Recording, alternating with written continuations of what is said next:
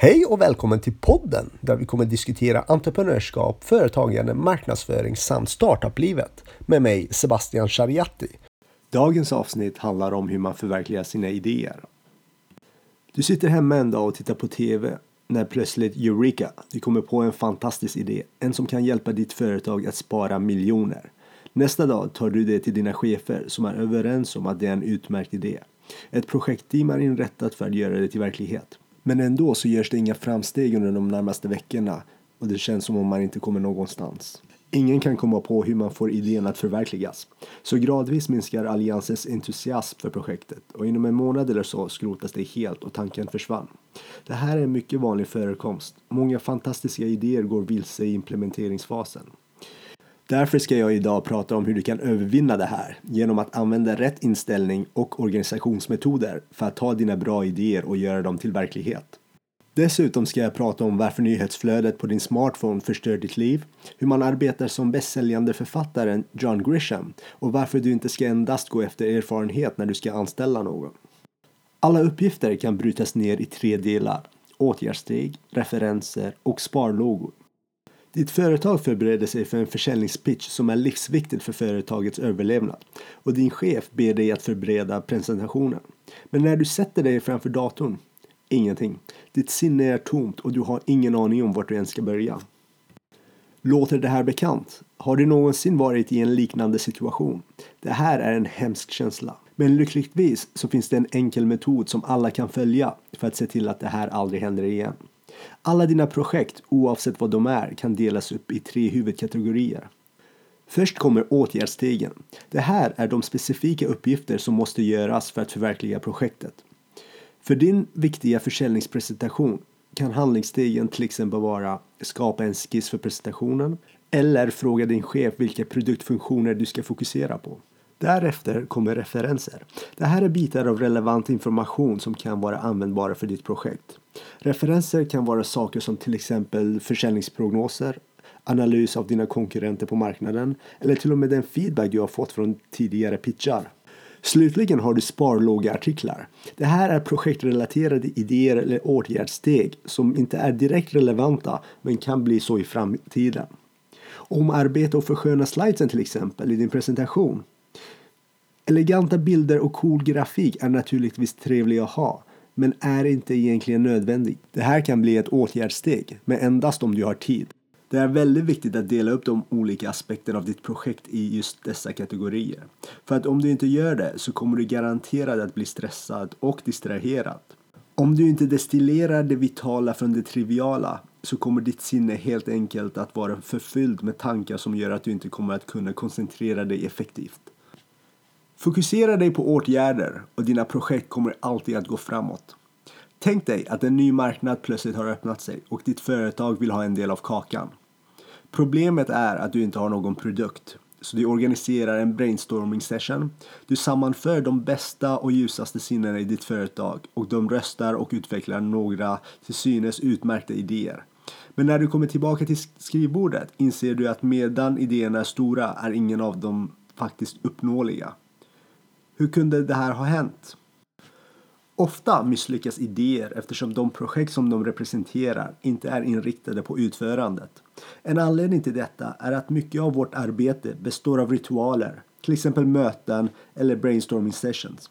Det här är saker som vi gör utav vana, men som inte nödvändigtvis leder till resultat.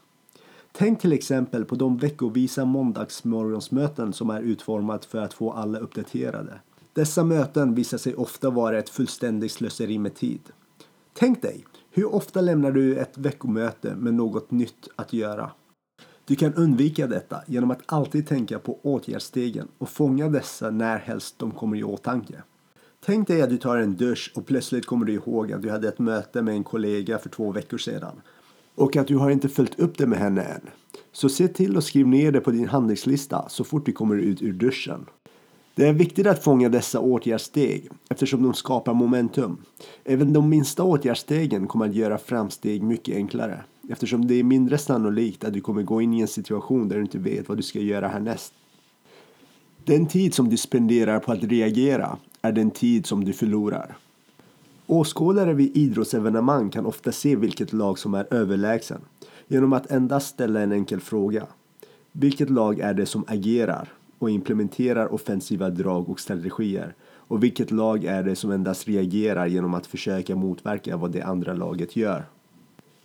Tänk nu på dig själv och hur du är på ditt eget jobb.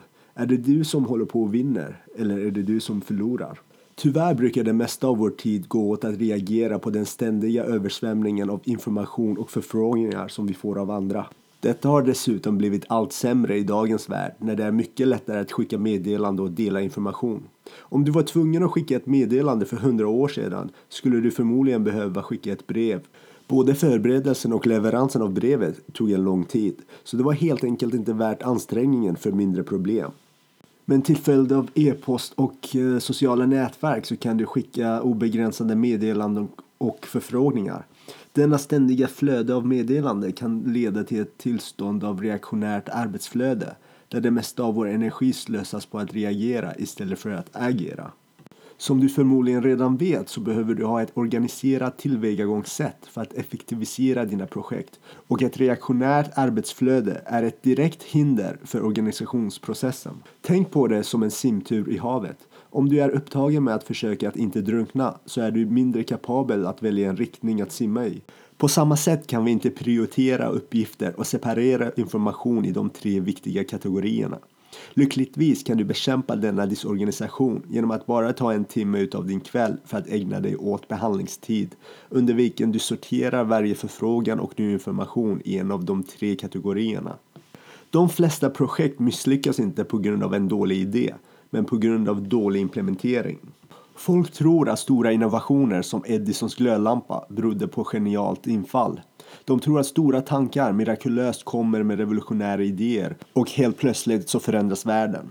Sanningen är dock oavsett hur bra en idé må vara så är den alltid i fara för övergivande. Idéer fyller oss med energi och engagemang men det varar helt enkelt inte. När vi väl inser hur mycket arbete som krävs för att förvandla en idé till verklighet så blir vi helt enkelt demotiverade och ointresserade. Det här stadiet heter projektplatån. Det är den punkt då vi överger vår idé för en som är ny och spännande. Lyckligtvis finns det metoder som vi kan använda oss av för att säkerställa så att vi undviker projektplatån genom att använda vår energi mer effektivt. Till att börja med så ska vi sträva efter att få ut det mesta av vår första initiala energi när vi har kommit på en bra idé.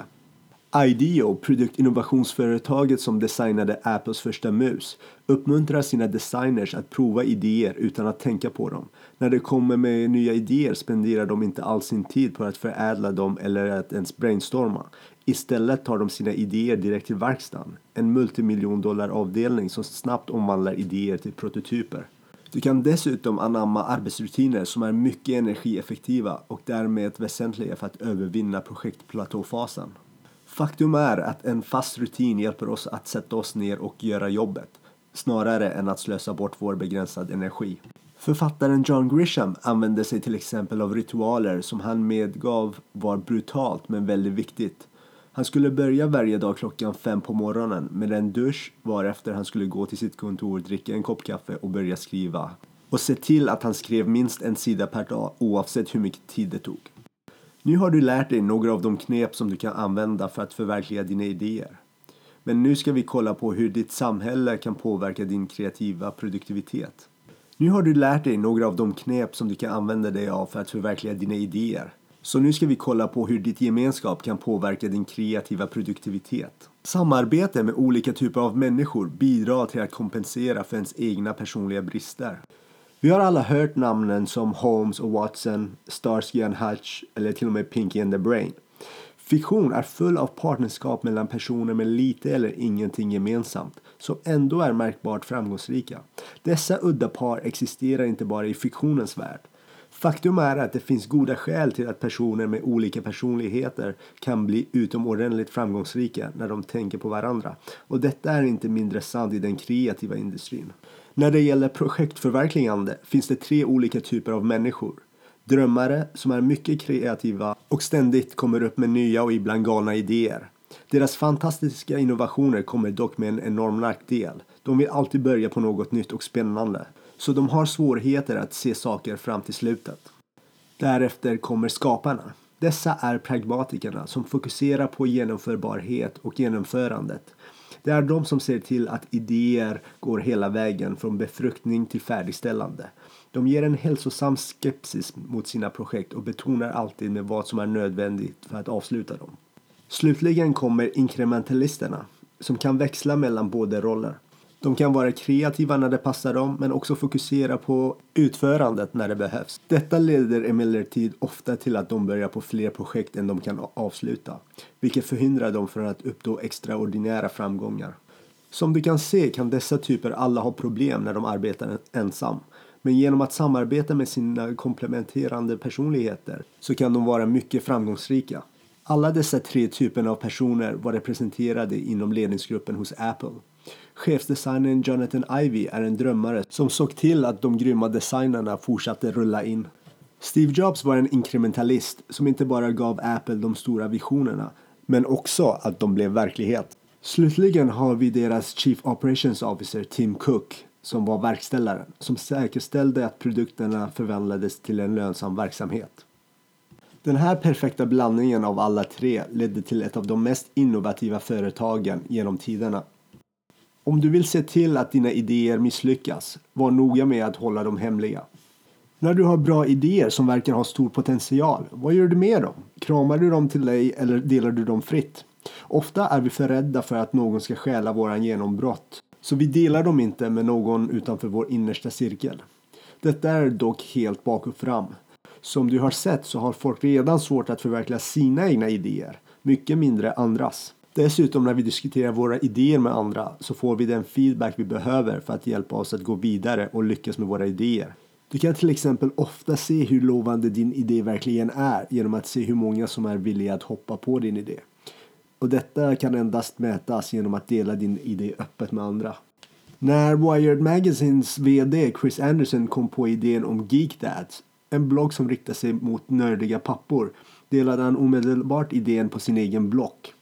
Andersons resonemang var att om projektet inte lockade till sig ett robust team inom sex veckor skulle han helt enkelt släppa det. Lyckligtvis fick hans idé entusiastiska svar från läsare och han lyckades med lanseringen. Delning möjliggör också feedback i form av kritik.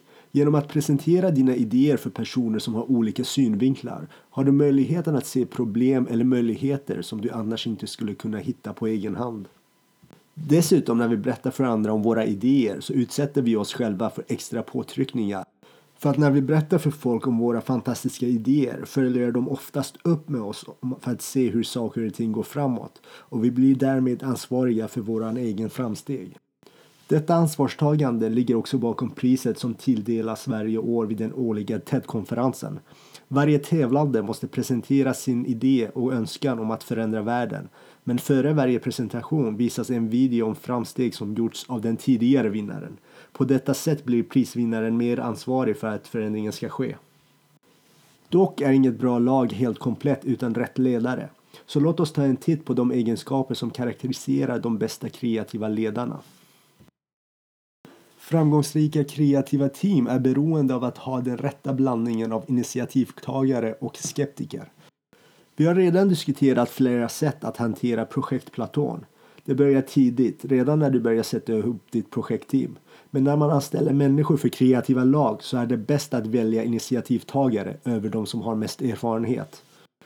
Vi har redan sett farorna med projektplatån halvvägs genom ett projekt. Därför är det extra viktigt att se till att ditt lag har initiativtagare. De som inte kommer att sluta oavsett vad som dyker upp för att få saker gjort.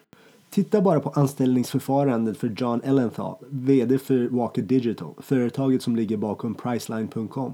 Han brukade föredra kandidater med stor erfarenhet. Men med tiden insåg han emellertid att idéer aldrig blir gjorda om inte alla gör det till sin affärsverksamhet att göra det. Ta en titt på deras CV för att se om deras tidigare åtaganden har en genomgående tema. Detta kommer att visa dig vad som verkligen är viktigt för dem. Titta sen på vad det är som de har faktiskt uppnått. Initiativtagare kommer inte bara ha arbetat i det område som intresserar dem, men de kommer också ha åstadkommit något där. Men ett framgångsrikt lag behöver också ha en hälsosam dos av skepsis. Du kan tänka på skeptikerna på ditt lag som en immunförsvar som dödar idéer som gör mer skada än nytta. Under brainstormingfasen behöver du ha kreativitet som kan skapa nya idéer fritt utan att bli belastad av alltför skeptiska kollegor. Men när det är dags att genomföra projektet behöver du ha skeptiker för att skydda den mot nya idéer som hotar att spåra ur den. För att få ut det mesta av ett kreativt lag så krävs det en speciell typ av ledarskap. De flesta människor som landar ett jobb i den kreativa industrin kommer att satsa allt de har för att skapa något unikt. Men de behöver ha en bra ledare för att kunna använda denna kraft effektivt. Skapandet av något unikt kräver en ledare som kan hjälpa till att främja rätt ömsesidig förståelse. Oftast när de stora idéerna diskuteras så hamnar diskussionen om den lägsta gemensamma nämnaren. Men en bra kreativ ledare är dock öppen för kompromisser om allt utom några specifika element som hålls heliga. Så här utför Tom Hennes från Think Design sina projekt. Han arbetar ofta i en miljö där dussintals intressenter vill få sina röster hörda och sålunda måste många kompromisser göras. Men hans team identifierar först några punkter som särskiljer projektet, vilket de sedan håller fast vid genom hela projektet, samtidigt som kompromisser görs på nästan allt annat. Dessutom så lyssnar en bra kreativ ledare innan han pratar. När man frågar kreativa anställda varför de lämnade sitt gamla jobb svarar de oftast att de kände att deras idéer inte hördes. Vanligtvis händer detta eftersom mer erfarna ledare känner att de har sett allt och därmed pratar först och agerar snabbt snarare än att lyssna på nya idéer.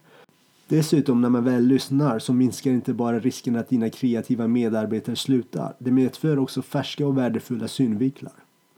Till exempel efter att ha arbetat på ett företag i tillräckligt lång tid så kan du komma att acceptera några av dess konstiga arbetsmetoder. Till exempel de värdelösa veckomötena. Nykomlingar däremot kommer genast att inse att dina vanliga möten är meningslösa. Lyssna på deras färska perspektiv. För att det kan hjälpa dig att överge värdelösa men etablerade metoder. Slutligen så handlar framgång inte endast om de bästa idéerna. Det handlar om att ha den bästa implementeringen. Att uppnå dina mål innebär att varje idé behandlas som sitt eget projekt samt att organisera din tidtabell kring åtgärder och genomförande. Nästa gång du sätter dig vid ditt skrivbord, sortera dina projekt i enlighet med deras ekonomiska och strategiska värde från extremt viktig till oväsentlig. Var försiktig så att du inte utvärderar dem efter den mängd energi du redan har investerat i dem, utan snarare av hur mycket energi du ska lägga på dem.